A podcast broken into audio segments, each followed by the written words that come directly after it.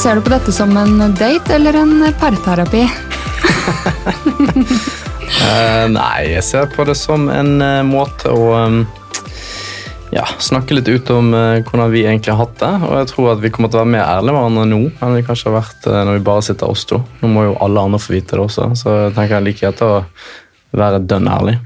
Ja, jeg er egentlig enig i det. Det er ikke vits å hva heter det, rosemale.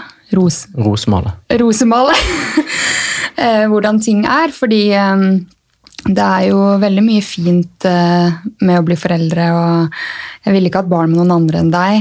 Ja, det er Eh, jo fint å høre. Ja. og jeg hadde kanskje litt sånn eh, romantisk syn på det å bli foreldre før vi fikk barn. Men eh, det er bare bra at vi er ærlige om det. Jeg syns jo vi er ganske ærlige eh, Ja, vi gjør det. Vi gjør det.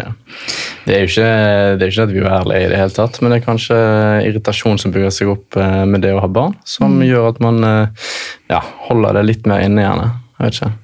Da skal vi få det ut i dag.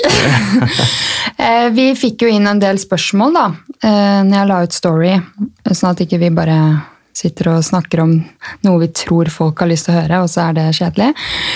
Men um, det første spørsmålet var eh, hvordan var forholdet deres under graviditeten, og når Storm kom til verden. Mm. Jeg kan godt starte. Ja. Um, det jeg syns var veldig fint med deg, var at eh, jeg følte du var veldig engasjert i svangerskapet. Og du deltok på alt som var å delta på. Alt fra de oppfølgingstimene på helsestasjonen, fødselsforberedende kurs, eh, og så satt vi og så på eh, videoer uke for uke. Og det var jo noe nesten du gleda deg til mer enn meg. du følte det var som en sånn julekalender. ja, det var som, veldig gøy. um, og så syns jeg du var um, veldig flink på å gi komplimenter, og at jeg skulle føle meg bra. Uh, jeg kjente i hvert fall at jeg fikk nesten ekstra lyst på deg gjennom hele svangerskapet, og det følte jeg var ensidig. I hvert fall at ikke du mista noe sexlyst. da. Ehm, og så var vi veldig aktive sammen. Vi gikk på veldig mange fine skiturer sammen på vinteren og påsken. Og fjellturer. Vi dro på Sats. Så jeg syns egentlig vi hadde Eller ja, at svangerskapet var veldig fint, da. Ja, jeg syns det var veldig likt som du beskriver. Altså, det var, um, jeg syns det var utrolig gøy å følge med på utviklingen til eh, babyen inni magen din. Og bare det å um, se på disse videoene uten å liksom bare binge igjennom. Altså, vi tok uke for uke, faktisk. Akkurat på den dagen han var like mange uker som videoen skulle vise. Jeg syns det var skikkelig gøy. Og så eh, akkurat det her med å være aktiv og sånn, det er jo ikke noe nytt. Det visste jo jeg du kom til å være uansett. Så, men det som jeg eh, kanskje synes var mest imponerende, var jo også at du du var jo ikke noe særlig dårlig morgenkvalm og sånne type ting. Eh, ikke det at det er noe å være imponert av, for det er jo individuelt, men det var mer det at du klarte å holde motivasjonen oppe til å trene hver eneste dag. Og eh, du dro jo meg ut. Altså, det var ikke bare jeg som dro deg ut der, eh, selv om det var du som var gravid. Det var faktisk motsatt ofte. Så um, Men det er fordi jeg har vært veldig klar og tydelig på at eh, det er ti år imellom oss. Jeg er 25. Nei, det er jeg ikke. Jeg er 26. det er 26 du òg. Du er 36. Og jeg er for ung da, til å ha en sånn skikkelig pappakropp eh, når jeg er så glad i å Mammakropp, kanskje. Nei, pappakropp. Oh, ja. I og med at det er jeg som dro deg litt med på Ja, sånn, trening og ja. sånn i svangerskapet. Ehm, så det tuller jeg jo med deg litt grann om, da. At eh, jeg er for ung til å være sammen med en som eh, beslutter å ta vare på helsa si. Ja. For det var jo noe av det som trakk oss sammen, var jo at vi likte å være aktive og de tingene der. Ja da, vi trente jo mye sammen i datingperioden òg, så eh, absolutt. Det er jo noe som, som jeg tror bare er en del av oss, det å trene. Sant? Og eh, med min bakgrunn så, så eh, tror jeg det ja, det hadde vært litt for dumt å kaste bort så mange år med trening. eh, Og bare gi blanke nå, liksom. Eh, De siste åtte årene etter jeg sluttet å, å drive med eh, idrett på høyt nivå. Så nei, jeg synes at eh, jeg synes at den hele perioden i svangerskapet var utrolig gøy. Jeg synes at vi eh, gjorde mye gøy sammen, akkurat som du beskrev i sted. Og, eh, men nå når du nevner de tingene med at vi så på den videoen, sånn, det er sånn jeg hadde nesten glemt. Selv om det var noe av det jeg eh, så mest frem til eh, akkurat der og da. Så det er gøy å mimre litt nå. Ja. Og dagen før Storm kom, så vil jeg jo faktisk trekke frem at vi hadde en veldig koselig date. Jeg hadde jo på følelsen hele tiden at det var siste daten vår helt alene, og det stemte jo. Vi eh, dro jo og så på Håp på kino. Um, Ja, først spiste vi vel? nei, det Nei, vi spiste etterpå. ja. ja.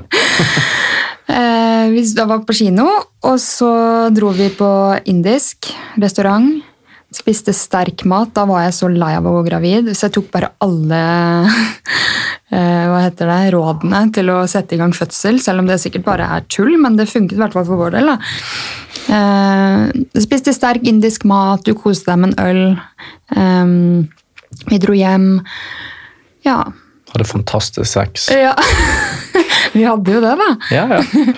Så det var liksom siste date, indisk, sterk mat og kjempebra sex. Og så gikk vannet halv syv på morgenen. Så det ja er jo sikkert noe i det. seks-syv timer senere, kanskje? Noe sånt? Ja, Ja. Så det var sikkert noe i det. Det var det helt sikkert. Så vi kommer til å gjøre det neste gang. Men, eh, og så har vi fått spørsmål om ja, hvordan når Storm kom til verden, da. Eh, hvordan forholdet vårt eh, var da. Eh, Før han kom til verden. ja, det er jo Ja. det vi har snakket om nå. Men eh, når han kom Der er også masse å si, men du kan godt starte. Jo, men altså, Hvis spørsmålet var før han kom til verden, selv om vi har snakket om når du gikk gravid, det Mhm. føler jeg nesten er noe annet eh, enn før du i det hele tatt ble gravid. Å ja, nei, ikke før jeg ble gravid, men eh, hvordan var forholdet deres under graviditeten, okay, og ja. når Storm kom til verden. Ja, da har du vært gjennom det. Ja. Ja. Nei, jeg um, Vi hadde jo permisjon sammen de to første ukene. Mm. eh, noe som var veldig trygt for min del. Og eh, for meg var det i hvert fall veldig over, eh, overveldende å få den lille skapningen til verden. Og bare vite at ok, dette her har vi ansvar for. Eh, Så jeg hadde jo heftige barselstårer. Jeg gråt jo hele tiden, i hvert fall en uke. I hvert fall. Ja, du var lett rørt, eller ja, hva skal man si? Du var Ja. Det, det var, du var litt sånn utrøstelig noen dager, men eh, jeg, jeg husker ikke så godt egentlig at du var så mye lei deg. Jeg var ikke lei meg. Det var Nei, ikke lei deg, da, men at du hadde barseltårer. Men jeg, det mer det jeg følte på at eh, vi var jo fem dager på hotellet der. Ja, Eh, og fire. Mm. det, ja, fire, fire og en halv blir det jo på en måte med dag og natt. Men vi eh, Det synes jeg faktisk var eh, på en måte deilig, men også veldig deilig å komme hjem etter vi hadde vært der. Selv om vi kranglet som bare det første dagen vi kom hjem. Vi fikk helt hetta begge to, tror jeg. Vi bare, han skreik som, en, ja, som bare det, og vi ble helt stressa. Vi hadde ingen rundt oss til å hjelpe oss, sånn som vi hadde hatt på hotellet der. sant? Mm. For det var jo et sånn sykehushotell. Så, Ja, for En ting hadde vært, eh, vært det å få hjelp av sykepleierne eller jordmødrene på sykehuset, men eh, jeg var ikke interessert i å få hjelp fra familie og sånn med en gang. Altså, Det er ikke så mye de får gjort. Vi hadde jo ikke blitt kjent med vår egen unge en gang selv. Og så skulle vi plutselig da ha alle andre til å ja, hjelpe til. Så det føltes heller ikke naturlig for meg, da. Men eh, det skal jo sies at når vi kom hjem fra sykehuset, så hadde vi egentlig en veldig koselig ettermiddag og kveld eh, sammen. Og han lå og sov i babybounceren, og vi var sånn Å, wow. Eh, juletreet var oppe i stuen.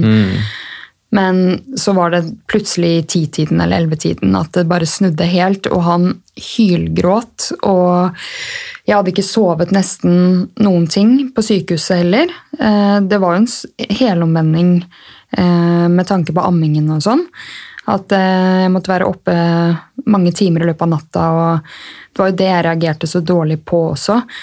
Um, men ja, så det, vi skal ikke legge skjul på at det ble en fight på kvelden der. Og jeg, jeg husker jeg så meg selv i speilet, og tårene bare rant. Og jeg var sånn Hva er det vi har gjort? og jeg tenker bare sånn, Vi hadde planlagt dette. Dette her var jo noe vi ønsket. Så jeg tenker for de som ikke har planlagt det, og eh, ikke har lyst engang, men som bare tar vare på det, og så Ja. Det, Ja, nei, Jeg bare husker frustrasjonen da, med, med på en måte at han ville ikke slutte å skrike, og vi skjønte ingenting. Altså vi, Jeg vet ikke om det var den første kvelden, men det var vel et par dager inn der at vi eh, altså, vi, vi, Han hadde jo forstoppelse de luxe. Mm. Og uh, den Bek-perioden var vel ferdig. Og uh, neste periode skulle starte, og de tarmene der. Sant? Masse skulle gjennom de, og sikkert derfor han hadde vondt. og vi sto jo på et tidspunkt med en, eh, jeg sto med en lillefinger oppi rumpen på han. liksom, Prøvde, prøvde å, å, å, åpne opp litt til han uten at det tok han noe særlig langt inn. Men det var jo bare for å på en måte, Ja, Vi var så desperate. Ja, det var sånn, vi måtte, Han var jo helt forstoppet, så jeg masserte magen mens Ja. du måtte på en måte fremprovosere. Ja. Og han lå der og hadde kjempevondt, og man vet jo ikke hva man skal gjøre. Så ja, nei, det, er, eh, det var en veldig krevende tid, syns jeg. Mm. Eh, Men som du sier, du husker ikke alt detaljert. Jeg husker veldig godt eh, starten, og hvor krevende jeg syns det var. Ja. Um, med tanke på lite søvn og um, Så var jo ikke det at jeg ville eh, det var jo ikke det at jeg ville at du skulle være oppe på natta med meg heller. En av oss måtte jo være uthvilt, men du var jo veldig flink til å ta, eh, ta han sånn um, Hvis han var helt våken på natta, da, sånn et par timer, så kunne du ta han med inn på gamingrommet. Ta deg en runde. Han lå på fanget og sov stille. Den tiden er over, da. Han hadde ikke ligget stille nå. Nei, det er dessverre over på mange måter. Det var hyggelig. Da lå han bare på en pute på fanget mitt mens jeg eh, satt tilbakelent i gamingstolen min og koste meg. Så, og Da sovnet han, og jeg satt bare og ristet med beina, husker jeg. Det, det er noe jeg aldri kommer til å glemme, da, for det var jo litt sånn eh, bonding moment for min del. En ting jeg kom på nå som jeg har lyst til å få frem, er jo det at på Ullevål ehm, da han var født, så var han jo veldig knytta til puppene mine og til meg med tanke på ammingen. Eh, Men en ting jeg syns er veldig feil, som jeg føler ofte menn får planta inn ganske tidlig, er at dere har ikke så mye å gjøre første leveåret. Det er mor som er viktig. eh, Noe som er helt feil. da. Eh, Fordi du ser jo nå hvor han har like tett bånd til både deg og meg, selv om jeg fortsatt ammer han.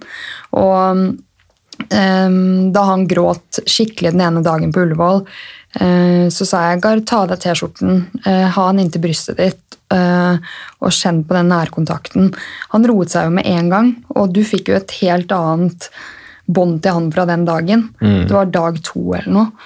Ja, det er vel et bilde du også har lagt ut, eh, og det var faktisk eh, Det bildet beskriver veldig godt akkurat den følelsen av å, av å ha han rolig på brystet for første gang. da. Altså Man har gjerne stått og prøvd å eh, vugge han sant, tidligere, og det hadde jeg gjort. Det var ikke første gang jeg hadde han på meg, i det hele tatt, men denne der stå lenge nok til at han faller til ro opp på brystet mitt, det var en fantastisk følelse. Mm. Men er du ikke enig i det at eh, nå som du har eh, fått erfart det selv, at eh, det stemmer ikke at det kun er mor som er eh, så utrolig viktig? Altså ja, vi er kjempeviktige, men jeg mener jo at dere menn er like viktige. Altså far.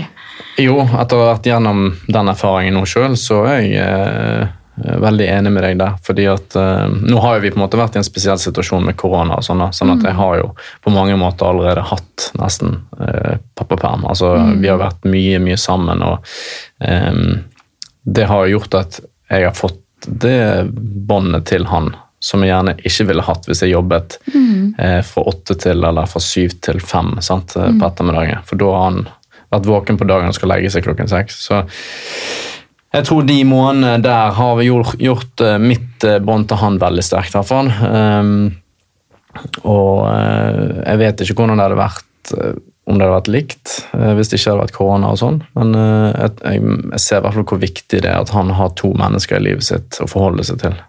Så, eh, fordi at vi bytter jo ofte på noe at hvis han er veldig urolig, og du har stått med han i 15-20-30 minutter og han vil ikke roe seg, så kan vi gjøre en, et lite stafettbytte, som jeg kaller det, og så, og så har man egentlig eh, Eller så ser du fort at han roer seg plutselig. Så, og det går jo begge veier. Det er akkurat det. Jeg syns du eh, involverer deg veldig bra i den papparollen. Eh, Du ser at du også må ta ansvar.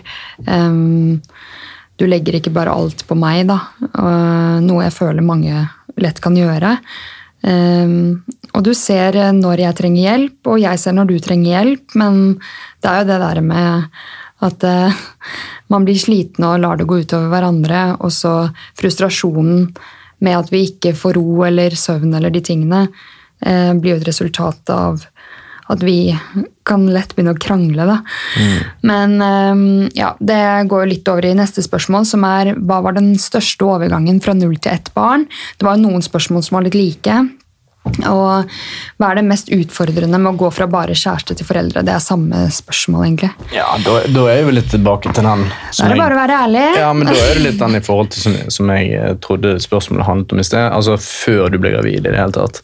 Og det er jo ganske stor forskjell eh, på mange måter. Samtidig som at det er en del aspekter som er lik. Um, og, og det som er den største forskjellen, er jo at vi har et ekstremt stort ansvar med å ta vare på et menneske som ikke klarer seg sjøl i det hele tatt. Eh, og, og det, Hva skal man si? Noen ganger er det veldig frustrerende, og noen ganger så tenker jeg at fy søren, eh, hvorfor har jeg hatt lyst på barn hele livet mitt? Liksom? Hva er det jeg har tenkt? Altså, eh, hvorfor? Altså, og jeg forstår plutselig de som ønsker å være barnløs hele livet. da. For du har jo mange av de der ute som ikke ønsker barn.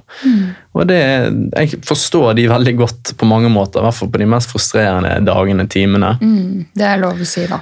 Ja, og jeg Uten at det handler om storm, så handler det om situasjonen. ikke sant? Det handler om situasjonen og hvor sliten man er. og litt annet at Hvis du ikke har fått nok søvn eller nok hvile, eller eh, hatt kanskje en stressende dag eh, på jobb eller generelt bare i livet sitt, så Og så er det sånn, du gleder deg ikke altså, eh, Jo, du gleder deg eh, til å slappe av, men det er kanskje fem-seks timer fram i tid, så du kan ikke komme hjem fra jobb lenger og legge deg på sofaen og bare å, fy faen, sånn som du gjorde før, da. Og som jeg gjorde før. Det, liksom, det tar mange timer før vi finner den roen, og kan kose oss med en serie eller gaming for din del. da. Men det, det som jeg bare vil skyte inn der, det, merker, det er greit, det har vært sommerferie, og sånn, men du hadde jo en tendens til å sovne på sofaen klokken halv ni-ni, lenge før du ble gravid. Ja. Eh, og det jeg også merker med meg, er at jeg har lyst til å være lenger oppe nå. For når han har sovnet, dette er helt ærlig, så, så har jeg lyst til å tilbringe den tiden uh, enten med deg eller med meg sjøl eller på en måte med andre, så lenge som mulig der han faktisk sover godt og kommer til å sove lenge. Angrer selvfølgelig litt på det hver morgen når man står opp med han, for da har man gjerne dratt det litt for langt. At man har holdt seg våken til kanskje 12-1. Um, men jeg har i hvert fall plutselig fått større behov for å holde meg litt lenger våken. For da har jeg litt egentid akkurat der. da. Men den tiden blir jo også mer spesiell, syns jeg. da. Eh, Når jeg har tid til å se de to, serien, nei, to episodene fra en serie for eksempel, i sengen, nå som man har fått eget rom og vi endelig kan bruke TV-en på et halvt år, liksom, um, enn å sitte og binge gjennom 40 episoder. Det hadde jo ikke gjort meg noe mer glad. Du vet jo hvor rastløs jeg er. Uh, Så når jeg da på en måte eh, har vært med han og deg gjennom dagen. Det har vært litt utfordrende noen ganger. Eh, og han endelig har sovnet for kvelden og ikke skal ammes før mange timer. Så er jo det sinnssykt digg å vite at nå er det me-time, Mm. Det er det. Det er fantastisk deilig. Og så er det fantastisk deilig å sitte i sofaen og midt i episoden se på hverandre og så bare Fy søren, jeg savner Storm. Ja. Altså, eh, Plutselig så savner du han selv om han bare har sovet en time. Eh, og Det kan jo være noe vi så på TV som gjør at vi får et sånn åh, Hvor er Storm? Jeg har lyst til å holde han, jeg har lyst til å se på han, jeg har lyst til å leke med han. Um, men han sover heldigvis. Og det er og- veldig positivt, fordi det er lov å si at man tenker noen ganger Å, herregud, eh, hvorfor, eh, hvorfor eh, ønsket vi liksom dette? Det er lov å si. Men vi savner han jo så sykt fort med en gang han har falt i søvn og vi ikke har sett han, som du sier. da. Så det er veldig godt tegn, og det er jo ingen tvil om at vi elsker han overalt på jord. Og jeg prøver noen ganger å gå tilbake i tid og tenke sånn um, Hvordan ville livet mitt sett ut hvis jeg ikke hadde hatt storm nå? Men jeg vet jo med meg selv at hadde jeg sittet i dag uten barn, så hadde jeg så inderlig ønsket meg barn. Så det hadde ikke vært noe forskjell uansett. Sånn sett, hvis du skjønner hva jeg mener. Ja, ja, og jeg tror akkurat at vi har fått barn eh, innenfor dette året her, eh, i forhold til med korona og sånn, det har egentlig gjort oss veldig bra. Fordi at jeg tror jeg tror at eh, Vi kunne ikke gjort så mye annet enn å være i Norge uansett. Altså, ja da, Vi kunne gått enda flere turer, vi kunne gjort enda mer ting sammen. og på en måte Vi kunne faktisk stått på ski i vinter. Vi sto ikke på ski Jeg tror jeg var én gang på Langen, og du var null. Så sant? Altså, det, det gikk ikke med han. Sånn at um, Sånne type ting, opplevelser kanskje hadde vi fått mer av, sant? Men, men ikke utenlandsreiser. Sånn at for vår del i år så føler jeg nesten det var perfekt timing. Ja, ja, det tenker jeg òg. Og så er det viktig å huske på at um, vi ønsket dette så sterkt begge to. Eh, så det er ingenting vi angrer på. Um, og det var så fint å ha lyst på dette sammen. Da. Det er faktisk det ene spørsmålet. Det er ja, hvordan fant dere ut, eller hvordan ble dere enige om hvordan dere skulle få barn? Uh, og da var jo Altså, jeg kjente jo det sånn to måneder inni meg, kanskje. Sånn Jeg har så lyst på barn. Jeg tenkte på det hver dag, og så begynte jeg å nevne det for deg. Men du var jo litt på denne at um, Ja, men vi har, det er jo bare å liksom komme inn i, er det ikke det? Altså, du trodde jo det var ganske lett. men det, det, er jo ikke så lett, da. Du, du så jo med oss at det tok fire måneder, ikke det at det er så lenge. Mm. Så mistet vi jo, og så ble vi gravide igjen. Så um, det var vel egentlig jeg som nevnte det for deg. Jeg tror ikke du hadde begynt å tenke på barn i 2019. Nei, jeg hadde jo en veldig klar plan om at vi skulle ha barn eh, andre i andre 20, eller hva det var. Så, ja, det jo helt... Klokken 20.02. Gard er veldig nerd på tall. Da, for å si det sånn. Han eh, ønsket jo sånn Hvor fett hadde det ikke vært å fått et barn i 2020, andre i andre, og så klokka to på natta? Så er jeg sånn, Du tror virkelig det går an å planlegge det? Så det viser jo litt at uh, dere Jeg trodde jo ikke det, da.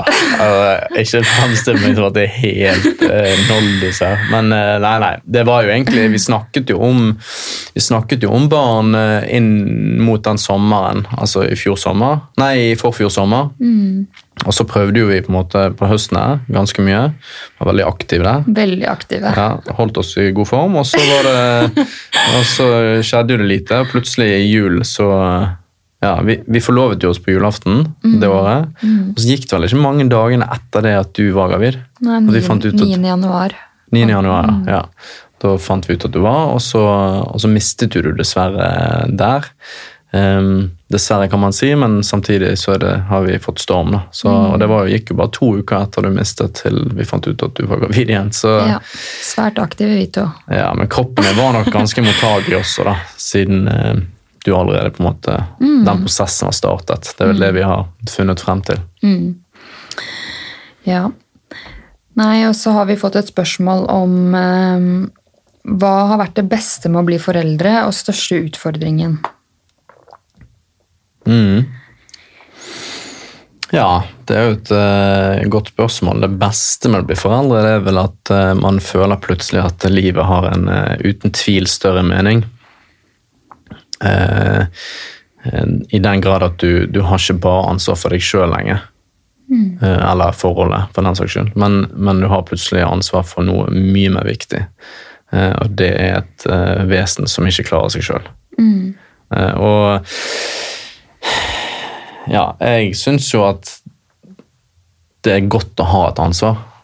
Jeg hadde jo hund for noen år tilbake og syntes det var et godt ansvar, men det var, ble vanskelig når man er alene med en hund. Men, um, men når man er to med et barn, så syns jeg at det er utrolig fint. Mm. Så hva var det andre? Nei, det var det spørsmålet. Jo, og den største utfordringen.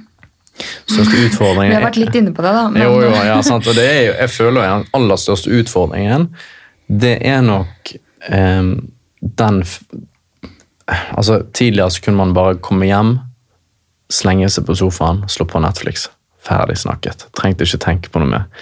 Det, det føler jeg er den største utfordringen nå. For det kan du absolutt ikke gjøre.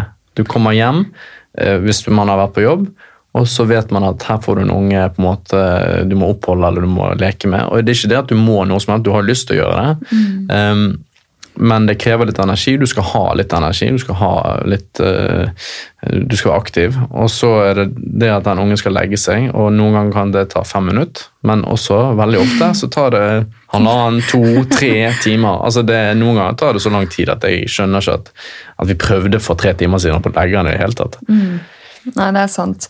Jeg syns også den største utfordringen har vært hvordan vi to skal fungere best mulig som et par. Fordi vi er jo egentlig veldig kjærlige. Og det er jo faktisk den viktigste jobben overfor et barn, er at den ser at foreldrene er kjærlige. Det leste jeg i den uh, Gottman-boka med mm. Robert and uh, Hva heter hun andre? Julia, var det det? Julia. Mm. Julia Eh, kjærlighetsekspertene. At eh, et kjærlig forhold det er det beste du kan gi ditt barn. Da. Og det er jo ingen tvil om at vi har et kjærlig forhold, fordi vi ordner alltid opp etter en krangel. Eh, vi snakker veldig godt sammen. Men lunten min har blitt så utrolig kort overfor deg, ikke overfor Storm. Han får ikke, det er ikke han jeg lar frustrasjonen gå utover, men det blir deg, da.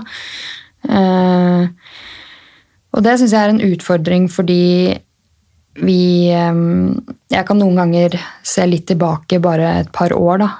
Eh, Selv om du har sagt at Tina, du må ikke leve i fortiden, du må leve her og nå. Jeg gjør det, men um, det var så få Altså, vi diskuterte så lite. Det var, det var litt sånn dans på roser en periode. Og Ja. nå må vi jobbe litt for at ikke vi skal eh, ja, At det skal utløse en krangel, da. Eh, men som jeg har sagt til deg, et forhold blir jævlig dårlig hvis man skal begynne å pirke på at gaffelen ligger i feil skuff, eller eh, de småtingene der. Eh, fordi det er sånn man ikke la merke til før, når man var nyforelsket, eller de første årene. Da sånn, da kunne man bare le av det, mens nå kan det bli en liten sånn Ja, Ja, man burde jo fortsatt le av det, sant, egentlig. Eh, Men det er gjerne at du har ledd så mange ganger at til slutt så blir det litt sånn Nå, Jeg trodde du tok det sist, liksom. Eh, sant? Det går begge veier. Vi har begge våre eh, feil, eller vi gjør rare ting. Eh, Om det er å legge en gaffel i feil skuff, eller om det er å ja, glemme å vaske dassen etter seg. Altså. altså det er jo, ja, Vi har våre feil alle sammen. Så, men, eh, men jeg er jo enig med deg. egentlig. Det er jo den største utfordringen akkurat det i forhold til forholdet vårt. At vi, eller med tanke på forholdet vårt, at vi faktisk har eh, vi har eh, en, en tendens til å bli veldig fort irritabel på hverandre. Fordi at vi gjerne har ja, vi har slitt oss sjøl ut med å prøve å få han ned eh, og sove. Hvis han er sliten og han skriker, han eh, stønner og liksom er, du merker at han er sliten sjøl, og så, og så blir man veldig gående, og så skal du snakke med partner, og så har du en kort lunte. Det er, altså Ikke du generelt, Nei, men oss. jeg sant? Ja. Ja, så jeg har jo lyst til å jobbe mye med den lunta mi overfor deg, fordi som jeg sa til deg i går kveld, at eh, hvis vi tenker over alle de småtingene vi egentlig har kranglet om det siste halvåret, som egentlig ikke betyr noe, heldigvis, at ikke det er sånne store ting at eh, en av oss har vært utro, eller Det er jo ikke de tingene vi krangler om, det er jo de små tingene, og det er det som nesten er mer irriterende. Men hvis man tenker på det sånn at eh, hvis jeg hadde gått bort, da, eller du hadde gått bort eh, så hadde jo jeg brukt resten av livet mitt på å be til høyere makter om at kan Gard bare komme tilbake? Jeg hadde, det er så mye jeg ville gjort annerledes hvis han var her nå. Og man har ingen garanti på hvor lenge man skal leve. da. Og jeg er jo livredd for å miste både deg og Storm, så at man ikke bare kan um, At man ikke må ta ting for gitt, selv om jeg syns ikke vi gjør det heller. Men atferden vår kan noen ganger virke som at vi gjør det. Mm. ja. På noen ting. Jeg tror nok at ehm, at akkurat det det du sier der med, med at vi vi setter kanskje ikke nok pris på det vi har akkurat her og nå. Eller vi, vi greier ikke alltid å se perspektivet på ting. Eh, men så plutselig så ser du en reklame for Unicef på TV, sant? og så plutselig bare Oi, ok, hva var det vi drev og kranglet om for fem minutter siden? Altså, Herregud, så idiot vi kan være. Og, um, og det er litt fint at, du, at man har eh, en litt sånn realitetssjekk. da. Og så tror jeg det er viktig, viktig faktisk fremover for, for vår del og alle andre par der ute som sliter med en del ting, det er jo faktisk bare Når man er kanskje midt i en fight, da, bare si til hverandre Du, dette her er en ganske liten greie. Tenk på uh, Beiruno, liksom. Uh, som Beirut. Beirut, ja. Som kjempeeksplosjon. sant? Uh, og hundrevis, tusenvis av mennesker som eh, har blitt skadet og gått bort. Sånn at vi har det utrolig bra. Og, og det er bare Det handler egentlig bare om små irritasjonsmoment som vi må prøve å vi må le av det istedenfor. Men uh, angående det, da, så har jeg kjent veldig på etter at jeg ble mor, at jeg har fått et an annerledes syn på livet, føler jeg. Fordi eh, nyheter, eksempel. Jeg reagerer så utrolig dårlig på det. Det har jo du merket. Hvor mye jeg gråter av å se på nyheter. Altså, jeg har alltid blitt rørt eller trist av fine eller triste ting. Sånn, eh, reagert på det, men ikke på den måten jeg har gjort etter at Storm kom. da. Så hvis jeg bare Eller tanken på alle barna som eh, har det vondt i verden, som eh, opplever seksuelt overgrep eller incest eller vold eller eh, foreldre som skriker. Altså tanken på det. Eller eh, ja, krig, bare sånne ting. Det er sånn, Du blir eksponert for det på nyhetene og um, aviser og alt mulig hele tiden. Men det er sånn, jeg reagerer så dårlig på det at jeg har problemer med noen ganger å se min egen lykke. da. Og kjenne på alt jeg skal være takknemlig for. Um, og det er ganske slitsomt, selv om det også er fint å reagere på ting, selvfølgelig. Men uh, ja, det er sånn Det er vanskelig å sitte og tenke på at ja, men jeg har et fint liv. Jeg bor i Norge, jeg har en leilighet, jeg har uh, hytter eh, her og der. Uh, jeg har gard, jeg har storm som er frisk som en fisk, liksom. Men likevel så kan jeg bare noen ganger føle meg så ulykkelig når jeg får de nyhetene rett i fleisen. da. Og tenke sånn Skal Storm vokse opp i denne verden her? Og den tanken om at du du kan ikke redde verden. Du kan redde Storm, du kan redde forholdet ditt, men du kan ikke gjøre en dritt, egentlig, av hva som skjer i mange land. da.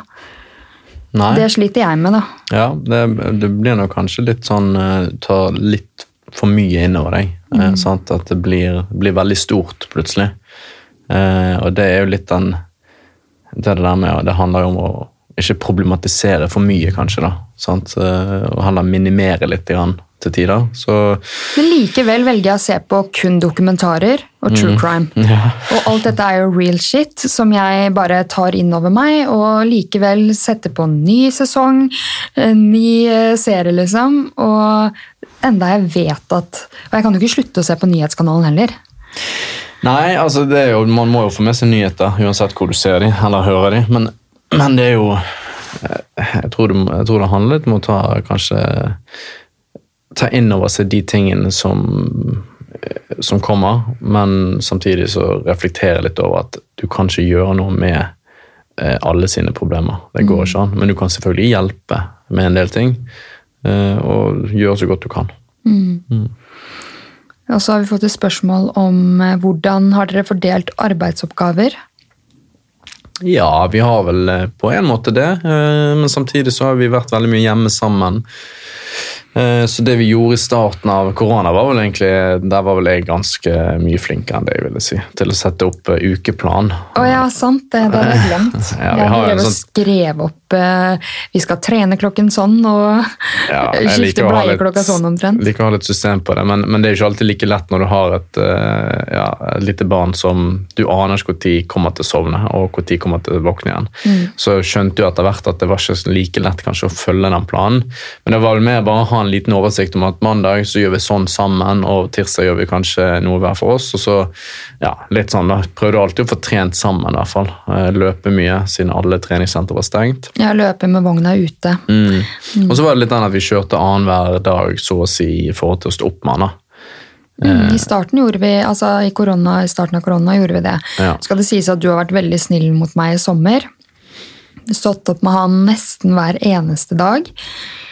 Eh, Du sier at ikke det gjør deg noen ting, men det, det setter jeg skikkelig stor pris på, fordi jeg føler at jeg har så mange timer å ta igjen, og at jeg nesten aldri føler meg uthvilt.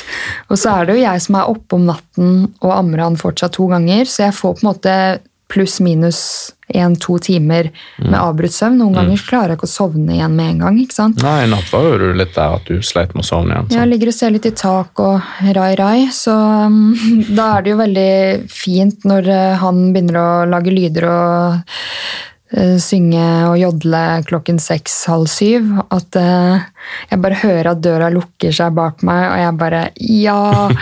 Skal jeg ligge og sove til ni-halv ti? Det er jo dritdigg. Ja, men jeg føler faktisk akkurat det der har fungert veldig bra. eh, Fordi at Én ting er at ja da, selvfølgelig er jeg trøtt. Jeg, eh, jeg kunne gjerne sovet til ni, jeg også, liksom. Men, eh, men jeg blir ikke så preget som du, gjerne, eh, ved å sove eller stå opp tidlig.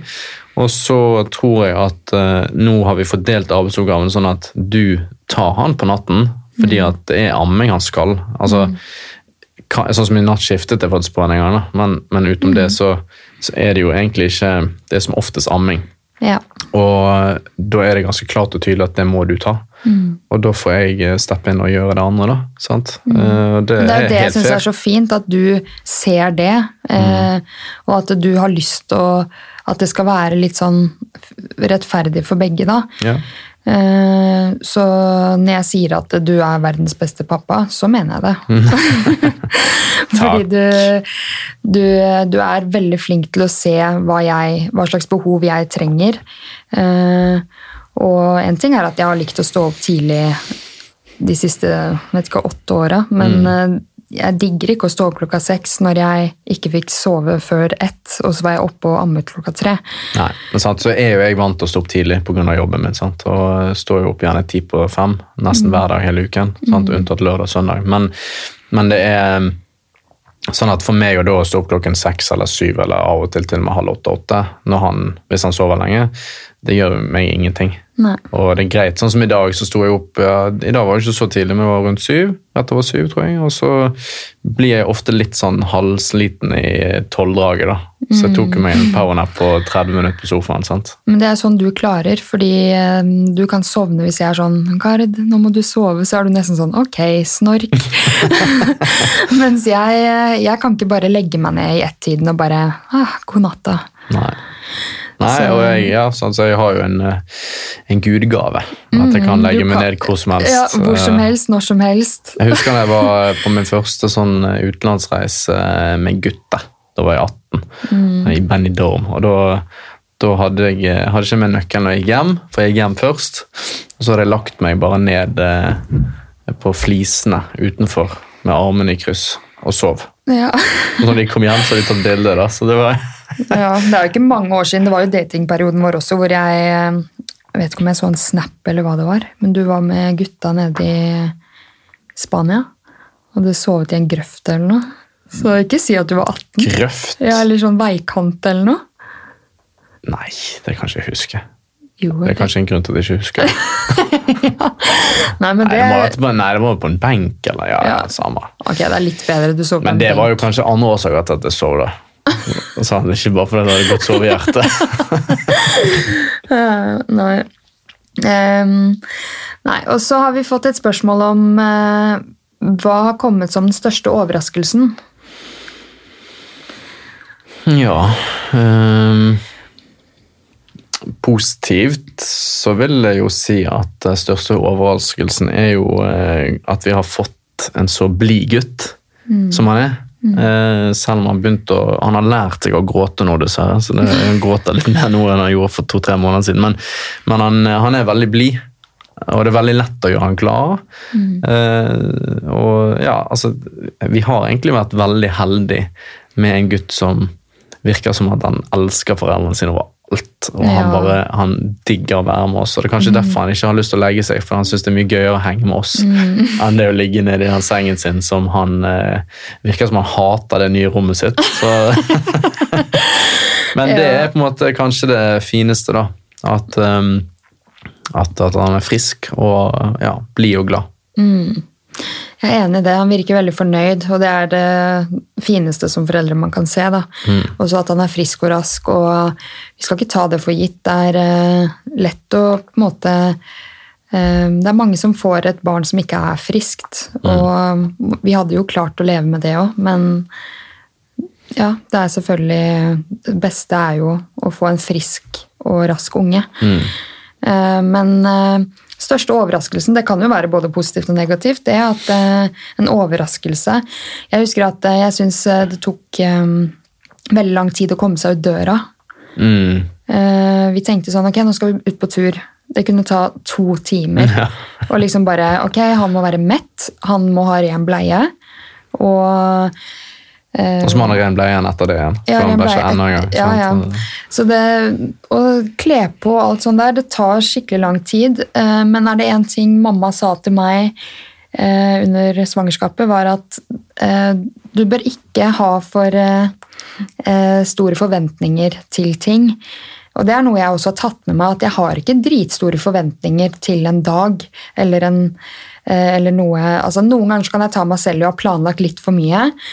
Um, og så rekker jeg ikke å gjøre alt jeg har planlagt. Og da blir man skuffa. Det er det mamma sier. Hvis du har for store forventninger til en dag, så ender du opp med å bli skuffa, for du rekker ikke å gjøre alt det du har sett for deg. Og det gikk jo hun på uh, den smellen mange ganger med Line, søstera mi. Um, så det jeg syns vi skal bli bedre på, er å fokusere mer på hva vi har fått til den dagen, Mm. istedenfor å um, fokusere på alt vi ikke rakk å gjøre. For vi rekker å gjøre jævlig mye. Det er bare at vi har en tendens til å være sånn åh, ja, men Jeg skulle jo få spilt tre timer den dagen, eller jeg skulle jo eh, sette på tre maskiner, trene, eh, møte venninner, eh, ditten datten. Altså, du rekker kanskje to av de tingene, da. Maks. Maks. Eh, og så bare det at man faktisk rekker å henge opp klær, eh, sette på vaskemaskiner, holde hjemmet rent. Før han våkner ja. Ja, det er jo en dritbra ting, egentlig, Ja da. å få til. Og det, vi begynte jo først med det i går, da. Å snakke liksom sånn om Er du fornøyd med dagen? Ja, Er du fornøyd med hva du har fått, liksom, vi har fått gjort? Mm. Sant? Og så, ja Ikke helt 100 fornøyd, for jeg hadde jo kanskje sett for meg litt mer av det vi hadde planlagt. Men Mm. vi må jo egentlig si oss fornøyd, for vi vet jo nå etter hvert hvordan det er. Mm. Sant? Og det er jo litt det du reflekterer men, eller over nå. Det er jo akkurat det der at vi må slutte å egentlig jeg tror at vi får tid til alt, men jeg tror samtidig man skal ikke bli helt passiv heller og tenke at åh, det går ikke an å få til en dritt fordi at Nei, vi det- har et barn. Altså, Nei. man må, jeg tenker at um, For folk der ute som, som blir foreldre eller som har et barn, eller flere, jeg tror det er sykt viktig å ha i hvert fall én plan for dagen. da. Eh, som enten går på egentid, eller som går på at eh, man aktiviserer barna eller eh, Mm. gjør noe med partneren sin. Men man, man kan kanskje ikke få til alle de tre tingene. Nei, sant? men for meg vet du at det er viktig at vi får storm ut i løpet av dagen. Mm. Jeg hadde hatt så dårlig samvittighet hvis kvelden kom og han hadde sittet i stua hele dagen. Det går ikke. Jeg har tvangstanke på det, og jeg tror at han har godt av å få frisk luft og bli tatt opp av vogna, se på blomstene. Jeg gjør det mange ganger når jeg har gått tur med han alene også. Går langs eh, fine hekker med fine blomster, eksponerer han for fine ting, lukter, sånne ting. da, fordi hvis han skal bare sitte foran og se på Peppa Gris og leke med den samme leken i hele dagen Jeg får vondt i hjertet mitt. Ja, og Han gjør nok av det, føler jeg også, sånn i forhold til at han eh, blir eksponert for barne-TV eh, en god del timer om dagen. i hvert fall. Altså sånn, Enten man sitter og leker og har mm. litt musikk i bakgrunnen eh, fra gjerne Peppa Gris-introen eller andre barne-TV-programmer. Men, eh, men jeg er helt enig med deg at han trenger eh, eksponering av natur. Og det tror jeg at han har fått mye av eh, siden han kom til verden. Ja, absolutt. Det er noe jeg føler vi kan eh, være stolt av at vi faktisk er veldig opptatt av. da. Ja. Um, ja. Og så eh, Hva var dere minst forberedt på? Ja, det handler litt om den eh, egentiden igjen, da. For min del, i hvert fall. Altså, eh, jeg tror i starten, her, når vi satt på sykehuset, og det var jo ikke, kom jo ikke inn på i sted, men da følte jo jeg at eh, ja, det var ganske chill, dette her. da. Han sov jo eh, ekstremt mye, sant. Og de gangene han var oppe, så var det egentlig kun fordi han skulle ha mat. Jeg liker når du fikk spørsmål ja, hvordan går det, og du var bare sånn Nei, det går dritbra. Jeg får spilt, og Alt var bare sånn fryd og gammen. Men eh, vi hadde jo helt forskjellig opplevelse av de første ukene. Ja. Det vil jeg absolutt si, fordi du fikk sove, du fikk tid til å spille. Eh, Du hadde med Du nevner spilling veldig mye, så det, det folk tror jo at jeg er sånn helt Nei, han spiller ikke så- ibar-nerd som sitter og spiller konstant. Nei, altså, Jeg liker å spille Ja, når jeg har gaming tid. er eh, din eh, favoritthobby, da. Det kan man Ja, si. det vil jeg jo si. Det er jo trening. Ja, men du hadde med deg i hvert fall gaming eh, gaming på sykehuset. Ja, med en og PC, ja. det, det, ja, og det syns jo jeg var helt fint at du hadde. Fordi eh, jeg orket ikke å se på TV eller snakke omtrent eller noen ting. Jeg bare var i senga med han, og det var hyggelig at du hadde det. Men eh, ja, du, man tenkte kanskje at man skulle få mer tid til ja, egen tid. Og, men jeg syns også vi er flinke til å på mange måter unne hverandre den egen tiden. Selv om det kan bli en krangel noen ganger, fordi kanskje jeg har et stort behov den ene dagen for å bli, eh, få litt ekstra kjærlighet og bli holdt rundt og holde hender i sofaen mens vi ser på serie, og så er ditt behov kanskje å game, og så blir det en krangel ut av det. Eh, Så noen ganger så føler du sikkert at jeg ikke unner deg det. Mens andre ganger Jeg kjøpte jo det nye spillet til deg, hva heter det? Last of Us. Last of Us eh, som sommergave. Så jeg liker jo å se at du koser deg, og du smiler jo fra øre til øre. Ja, og det er jo bare for å påpeke det for lytterne. Sant? Jeg fikk det da i juni, når det kom ut. Har spilt det to timer. sant? Altså, det er så mye tid jeg føler jeg får tid til å, å spille. Jeg har egen tid. Og det, Ja. nå er vi i begynnelsen av august. Så. Men, men eh, det er jo Altså, jeg koser meg masse med ulike ting. Og vi ser også mye serier sammen. Og vi går mye turer med han, selvfølgelig. Han er alltid med på de tingene. Um, men, men det jeg føler kanskje er den eh, største overgangen Det var, det var ikke det spørsmålet var? Mm, ja. Eh, det er egentlig de ulike periodene med han. Fordi at i starten her så sov han veldig mye, og når han var våken, så var det for å få mat. Eller pupp. Og så går vi inn i en fase der han plutselig begynner å smake på ting. Og da, da var jo Tina litt sånn Yeah, nå kan han endelig spise vanlig mat. Mens jeg er sånn Damn it, nå må jeg begynne å mate han, liksom. Og nå må jeg sitte her og bruke masse tid på det, for dette tar jo tid. Altså, Det tar faktisk ganske lang tid å sitte og mate han, men nå er det bare koselig. Så det går liksom inn, det går noen uker inn i det, eller måneder, og så plutselig så er det en hyggelig ting å sitte og gi han banan, der han er helt fascinert over hivis. Ja, sant? Alt smaker så godt så lenge det er søtt og sånn. Um, så det var en fase, og nå er en annen fase der han begynner å, å krype mye. ja, krabber overalt. Og slått hodet sitt to ganger i dag allerede, der pappaen ikke greide å følge meg tydeligvis godt nok. Og han ruller rundt og slår hodet rett i en sånn der eh, ovn på veggen vi har. Og fikk skikkelig vondt, stakkars. Men, men det er også en ny fase. sant? Eh, Og nå plutselig er vi i en fase der oi, vi har ikke tid til å gjøre noe annet enn egentlig følge med på at han ikke skader I seg. våken tilstand så må vi være på. Mm. Så det er også et spørsmål, faktisk, at hva er eh, den eh, største overgangen fra eh, starten til den fasen han er nå? Nå er han snart ni måneder.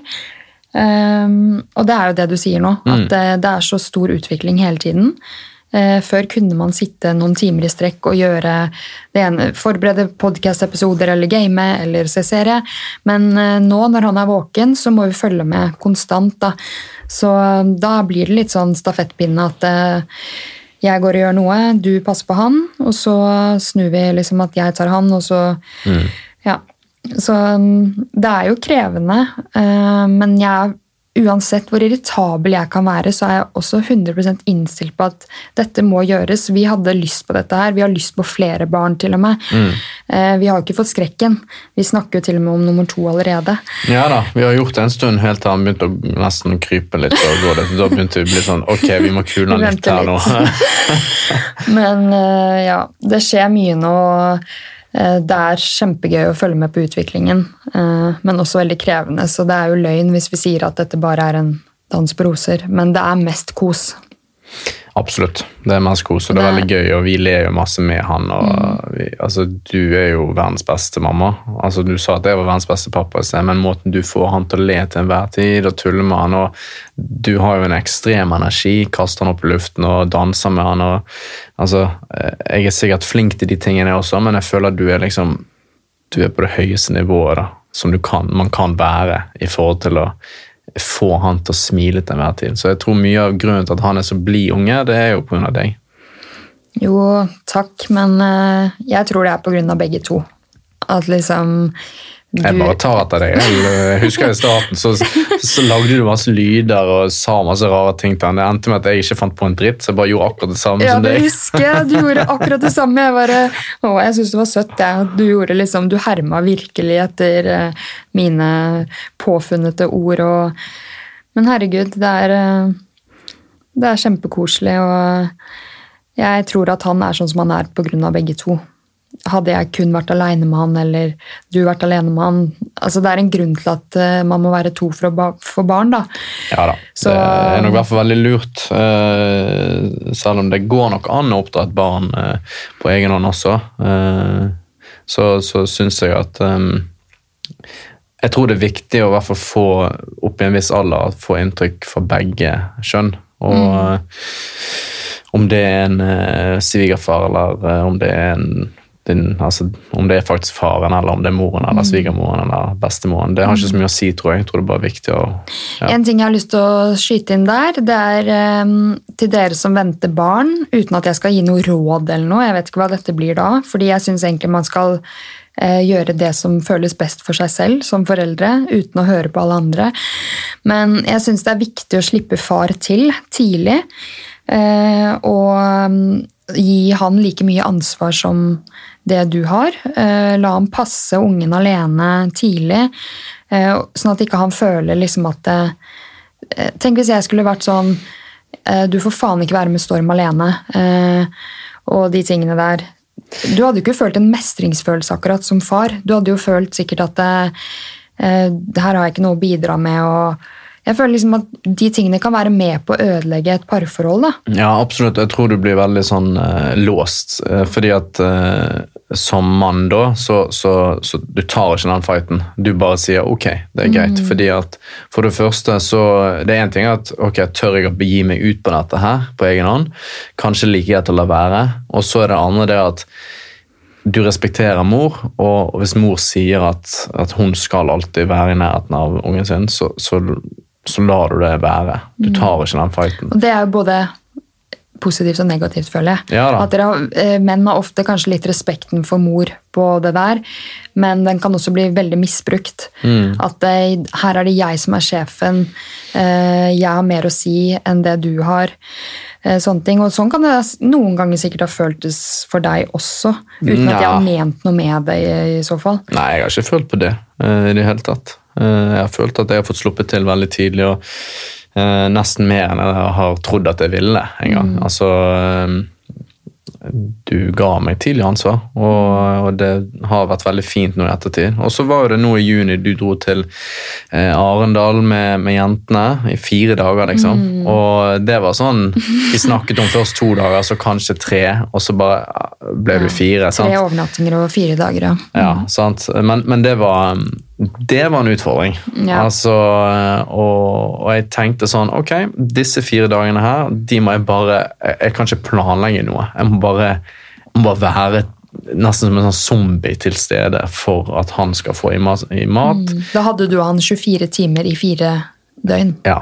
Så jeg skjønner at det var kjempeutfordrende. Og... Jo, men, men, det som var gøy med det, var det at første dagen helt jævlig. sant? Mhm. Brukte tre og en halv time på å få han til å sovne. Andre dagen mye lettere. sant? Mm. Mye lettere. Og, og, eh, det var ikke det at jeg ikke visste om disse rutinene før jeg fikk han plutselig mm. i fanget og måtte gjøre det sjøl. Det var bare det at når du står der aleine, eh, så blir du veldig veldig frustrert når du ikke får det akkurat sånn som du hadde tenkt. da. Mm. At eh, ja, men han skal jo legge seg syv, sånn som han alltid pleier. Så ble det plutselig halv ti. Mm. Sant? Av en eller annen grunn så skulle han absolutt ikke sove før halv ti den ene dagen du er vekke for første gang. Og kanskje mm. det er akkurat derfor. Fordi du var vekke. Mm. Kanskje han merket det. Mm. Fikk ikke den puppen som han er vant til rett før han sovna. Istedenfor ble han matet med smoothies, liksom. Så sikkert ga han mer energi i tillegg. men, men, jeg lærte jo veldig mye av det, og de fire dagene så plutselig følte jeg at jeg mestret det å være aleneforsørger, nesten. sant? Mm, og det er så viktig, da. Og så tenker jeg sånn, det er, eh, det er, jo veldig sånn at eh, far har to uker permisjon med mor eh, når ungen kommer, og så er det mor som skal ha den spedbarnstiden og de første månedene med ungen. da. Veldig mm. mange gjør det jo sånn. Mm. Men det er jo ikke noe regel at det skal være sånn. Det kunne vært omvendt også, hvis jeg var, valgte å gå i jobb, søke jobber og begynne å jobbe mye tidligere. Sånn at du hadde pappapermisjonen før det. Mm. Um, jo, men det, da, er, det, er, akkurat det med mat. da. Altså Det er den puppen, da. Ja, ja. Det, da måtte man jo ha pumpet og mye mer styr og bla, bla, bla. Men um, nei, jeg tror det er kjempeviktig at eh, far slipper til, og at eh, de skal oppleve mestring på samme måte som kvinnen eller moren. Og um, ja. Og det er også med på å bygge et sterkt bånd til eh, babyen, da.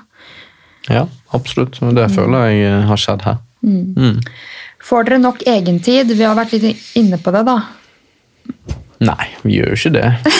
Ikke nok. Nei, Vi får altså, ikke nok egentid. Det Vi vi kunne gjerne hatt enda mer måte, fritid, men vi er veldig heldige som har eh, familie da, mm. i nærheten. Sant? Men det har jo vært at med korona vi har ikke kunnet sluppet han eh, til helt eh, hos besteforeldre og sånn. Mm. Sånn at vi har vært litt låst som alle andre. Um, men vi har jo da min mor som er fra Bergen opprinnelig og flyttet til Fornebu der vi bor, og så mm. har vi dine foreldre som bor på Nordstrand. Sant? Og, og så har du en flokk med søsken også som, som har mulighet til å passe.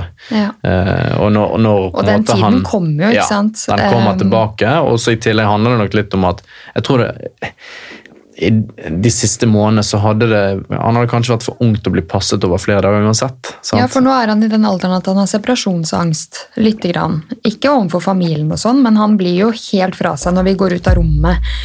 Så det å skulle da bare Det er jo kjempebra å eksponere ham for masse mennesker. Han har jo møtt masse mennesker de ni månedene han har levd. Mm. Men det handler jo litt om eh, Jeg er jo moren, ikke sant? og du er faren, og jeg kanskje føler ekstra sterkt på at jeg har lyst til å være med min egen unge. Det sitter langt inne å skulle bare levere ham fra meg. Til og med å dra til Arendal når jeg visste at han var i de tryggeste hendene med deg, så var det vondt. Ikke fordi at jeg var utrygg, men fordi jeg visste at jeg kom til å savne han. Eh, men samtidig var det deilig å miste litt sånn Sove og bare miste litt den derre at du må være på hele tiden. da. Jeg tror Særlig siden det var første gang du gjorde det, så tror jeg Ja. du følte veldig på det. Men jeg tror neste gang så vil du ikke føle så sterkt på det. gjerne. Mm. Sant? Og så går det litt sånn over, det fader litt ut. da. Eh, ja, og Det samme gjelder jo for meg de gangene jeg har vært bortreist. Mm. Om det har vært uh, en dag eller to til Beitostøl og sånt med, med kompiser, så, så har jeg også følt på det å, å gi deg alt ansvaret. Eh, Eller pinsehelgen når jeg dro til Bergen for å fikse litt ting på, på hytten og sånn. Så ble det jo var litt frustrasjon der hos deg. sant? Altså, Du ble jo veldig Ja, for da sliten. satt jeg jo siste uka med eksamen. Eh, du og din mor var borte i fire dager. Jeg kjente bare at eh, han ville jo ikke sove. Så det var jo også en firedagers hvor vi krangla en del. Ja. Eh, men igjen, da, vi ordner jo fort opp. Det er jo ikke noe dype fighter om et dypt problem. Nei. Det er jo er som oftest ikke et dypt problem. Det er jo det. Men sånn egentlig, da, jeg synes jo vi er flinke til at du unner jo meg veldig å være med venner. Eh, med en gang jeg blir spurt om vil du være med på det og det, du er sånn 'gå ut med jentene, kos deg'. Og jeg også digger jo når du er med dine kompiser. Jeg spør deg jo ofte du har ikke lyst til å bare møte noen kompiser eh, eh, i morgen da, eller til helgen, eller og noen ganger til og med når du er litt sånn ah, 'Jeg får sent til helgen om jeg blir med på det arrangementet'. Da er det jo jeg som jeg føler pusher på at eh, du skal. Du skal være med folk. Sånn at ikke du Jeg tror du har godt av det, og selv om det kan virke litt sånn tøft på tirsdagen at åh, skal jeg det på lørdag, så er du jo veldig fornøyd for at du gjorde det på søndagen. Ja da, eh, men det var jo egentlig, hvis du refererer til forrige helg, så var jo det egentlig planen at du skulle i en bursdag også. Sånn at eh, Ja, ja, jeg kunne kommet hjem, så kunne vi på en måte hatt 50-50 eh, med, med artigheter da, den dagen der. Så, men jeg hadde jo lyst til å være der eh, som jeg var en mm. bursdagsfest som varte ganske for tidlig til seint. Ja. Mm. Hvordan pleier dere forholdet? Hvordan mener du vi to pleier forholdet? Hmm. Jeg tror vi pleier forholdet ganske bra i forhold til at vi, eh, vi gir hverandre veldig mye komplimenter. Eh, Du gir meg mye komplimenter, i hvert fall. Er fordi jeg syns fortsatt du er den kjekkeste, peneste og snilleste mannen. Altså, Ja. alle menn jeg har sett i livet mitt, på bilder eller i virkeligheten, det er sånn Du er kjekkest i mine øyne. Så det kan ingen ta fra meg. Nei, men eh, det, Ja, takk. Men eh, det er jo fordi at du var forelsket i meg fra du var syv år. Så Ja. Crusha på deg altfor lenge. Nei da. Jeg, eh, jeg tror vi er veldig flinke til å gi hverandre komplimenter i hverdagen. Og bare det der med at du Altså at du kommer hjem fra trening, og du svetter, og du er sliten, og du eh, kommer inn der, og jeg sier bare det er det mest sexy jeg vet. Det er å se deg i tights, og når du svetter, og de tingene. Altså, jeg, elsker det. Så um, og så er jo du Ja, du har jo blitt uh, veldig godt trent igjen etter graviditeten, for å si det mildt. Det skjedde jo fort. Men det jo, handler jo mye om at du holdt deg i form eh, mens du var gravid også, da. Mm. Så, men jeg tror også andre ting som vi er blitt um, altså vi har vært flinke på, da. Det tror jeg har vært at vi um, Når vi har hatt mulighet, så har vi med en gang benyttet oss. Hvis f.eks. din mor eh, kunne, kan passe han en, en dag, mm. så, så, spør vi om det og, og, gjør det, og så får vi gjort noe sammen. sant? Ja, vi, er, vi, har jo klippekort på The Well, ja. og vi har jo vært der ganske mye de siste månedene. Ja, både litt Tre før, eller fire ganger. Ja, Før korona, selvfølgelig, og så nå var vi der I, korona, i sommerferien. Vi har ja. vært der tre ganger, tror jeg. Ja. ja. Og det, det, er jo superdeilig å ha en dag der og bare vite at eh, vi kan ligge på den senga eller sitte i badstuen uten å løpe ut og bli avbrutt av noe, da. Men jeg har jo vært veldig på den at eh, selv om vi har blitt foreldre, så er jeg så utrolig opptatt av at parforholdet skal gnistre. Mm. Eh, selv om ikke det alltid gjør det, så eh, vet jeg at vi har eh, Hva heter det eh, Evne til at det kan gnistre. Altså, det er ikke sånn at det, den forsvinner, den gnisten. Den er Nei. bare ikke like tydelig hele tiden, men ja, Vi har jo veldig lidenskap til hverandre. Ja, eh, altså, det har vi. Og det, det, altså, det, det, tror jeg ingen noensinne altså, det, kommer alle til å bli tatt fra oss. da. Nei, og jeg nekter at vi skal bli en del av den statistikken hvor ting går til helvete. Eh, eller at eh, vi slutter å ha sex, eller eh, at den ene er utro. Liksom. Jeg nekter å bli en, altså en, del av den statistikken. Da. Så Det er derfor jeg er så opptatt av å jobbe med forholdet og snakke litt sånn deep talk som du syns det kanskje blir litt mye av noen ganger. Men det er bare fordi jeg vil at vi alltid skal bli kjent med nye sider av hverandre. Og ikke bare prate om hvor mange bæsjebleier har det vært denne dagen, eller skal vi ha laks eller torsk til middag? Ja da, men det er litt deilig av og til å bare ha de enkle samtalene. ja ja, det er jo det. Men, men, men, jeg er helt enig med deg at vi, det der med å fortsette å bli kjent, det tror jeg er viktig. For vi er langt ifra ferdig med å bli kjent med hverandre. Vi kan bli kjent hele livet. Ja, det tror jeg faktisk er mulig. For du har ganske mange sider med deg som, som er både rare og artige og litt spesielle. Så det samme har jeg, da. Sånn at jeg, jeg, tror at det vil ikke bli et problem. Nei. Stakkar, du visste ikke hva du gikk inn i, du. uh, ok. Uh, hva savner dere mest fra livet før barn? Vi har jo vært mye innom det også. Sånn, det som er, Jeg vil bare påpeke at jeg sitter egentlig ikke og savner livet mitt før jeg fikk barn. Um, jeg kan selvfølgelig mimre litt og tenke det der var en hyggelig tid med deg, f.eks. Eh, vi hadde ikke noe ansvar bortsett fra overfor hverandre. Men jeg savner ikke tiden før jeg fikk barn. For eh, som jeg sa tidligere i episoden, så vet jeg at hadde jeg sittet i dag uten barn, så hadde jeg vært i en fase uansett hvor jeg så inderlig ønsket barn. Og det var noe vi begge var klar over at vi, vi ville ha barn i dette livet her. Så, mm, og jeg tror det var en lur ting å få barn nå, og ikke om fem år, når du har bikka 40 og jeg er 30. Selv om det også mange gjør det. Men for min del så er jeg glad for at jeg satte i gang i 24-25-årsalderen. Mm. Ja, jeg er også eh. veldig glad for det. fordi jeg tror at uh, for min del å ja, øh, ha min førstefødte gjerne i alder av 40, eller over 40, det tror jeg hadde vært veldig slitsomt. Ja, Vi har jo ikke mer energi jo eldre vi blir. Nei. Og de som har lyst på barn øh, Jeg er ikke sånn som tenker karriere før barn. Jeg, jeg har veldig troen på at karrieren kan komme senere i livet. Og jeg syns det er dødsdigg å vite at jeg er ferdig med førstemann. Altså at eh, om noen år da, så begynner Storm å bli litt eldre.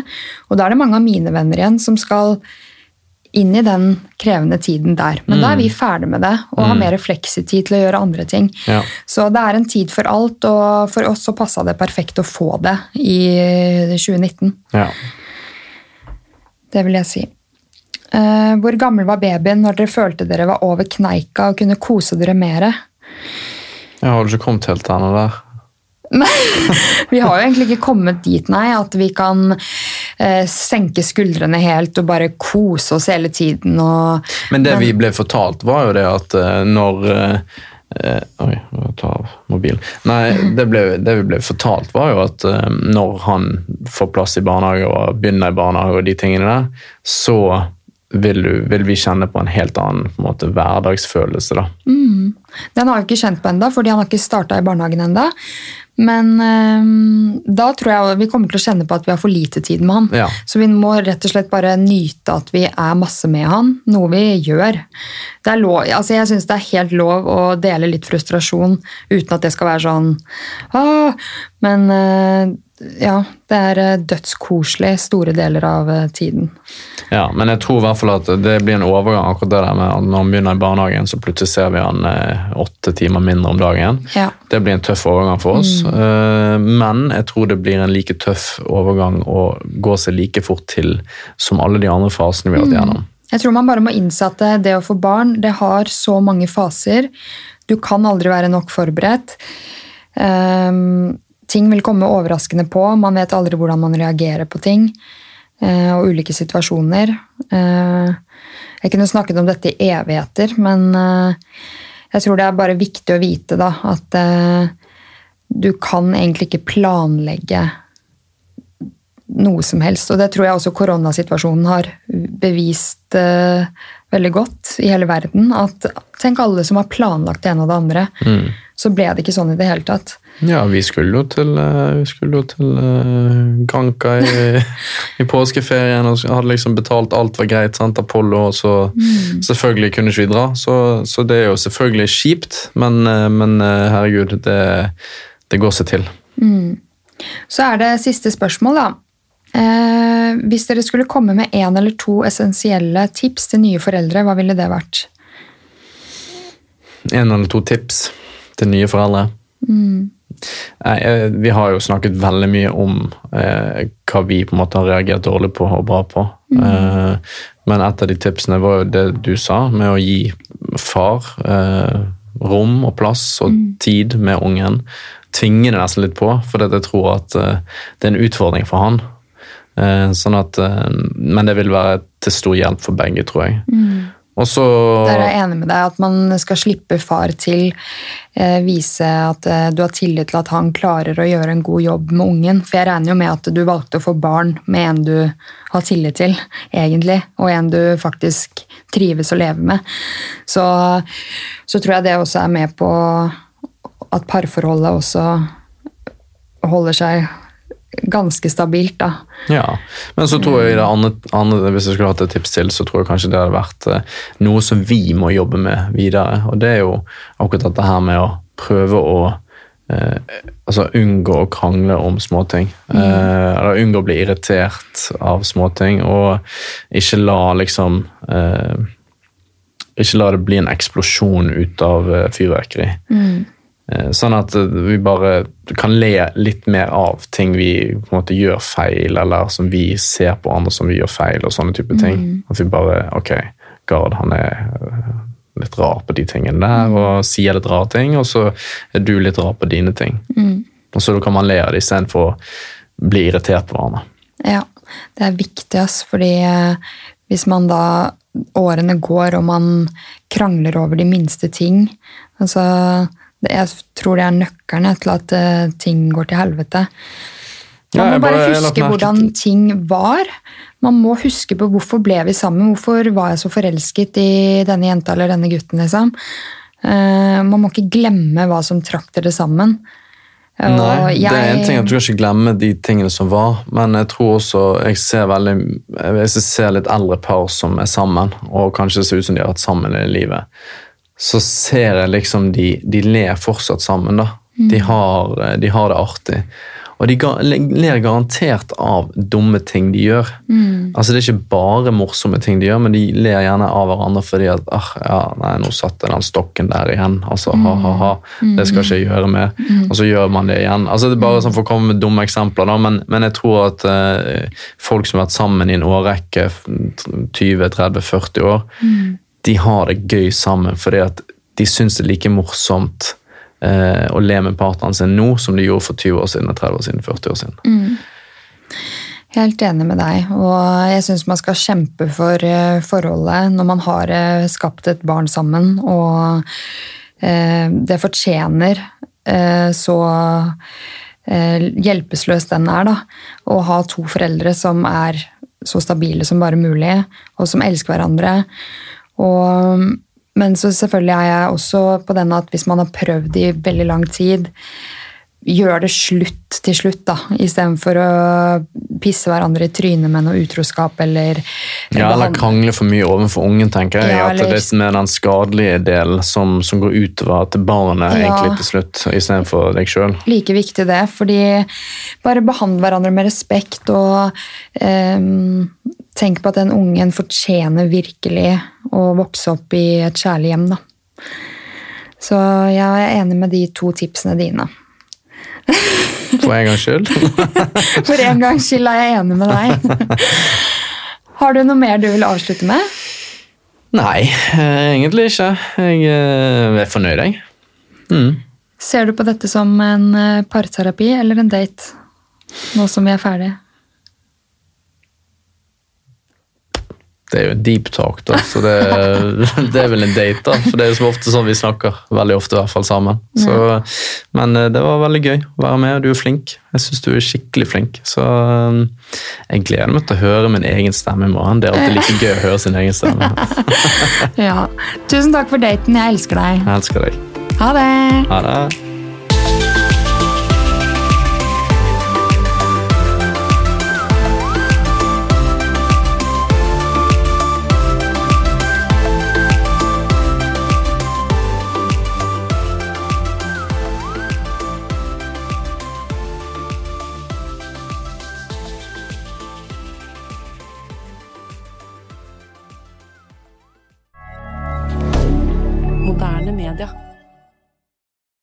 Har du et enkeltpersonforetak eller en liten bedrift? Da er du sikkert lei av å høre meg snakke om hvor enkelt det er med kvitteringer og bilag i fiken, så vi eh, gir oss her, vi.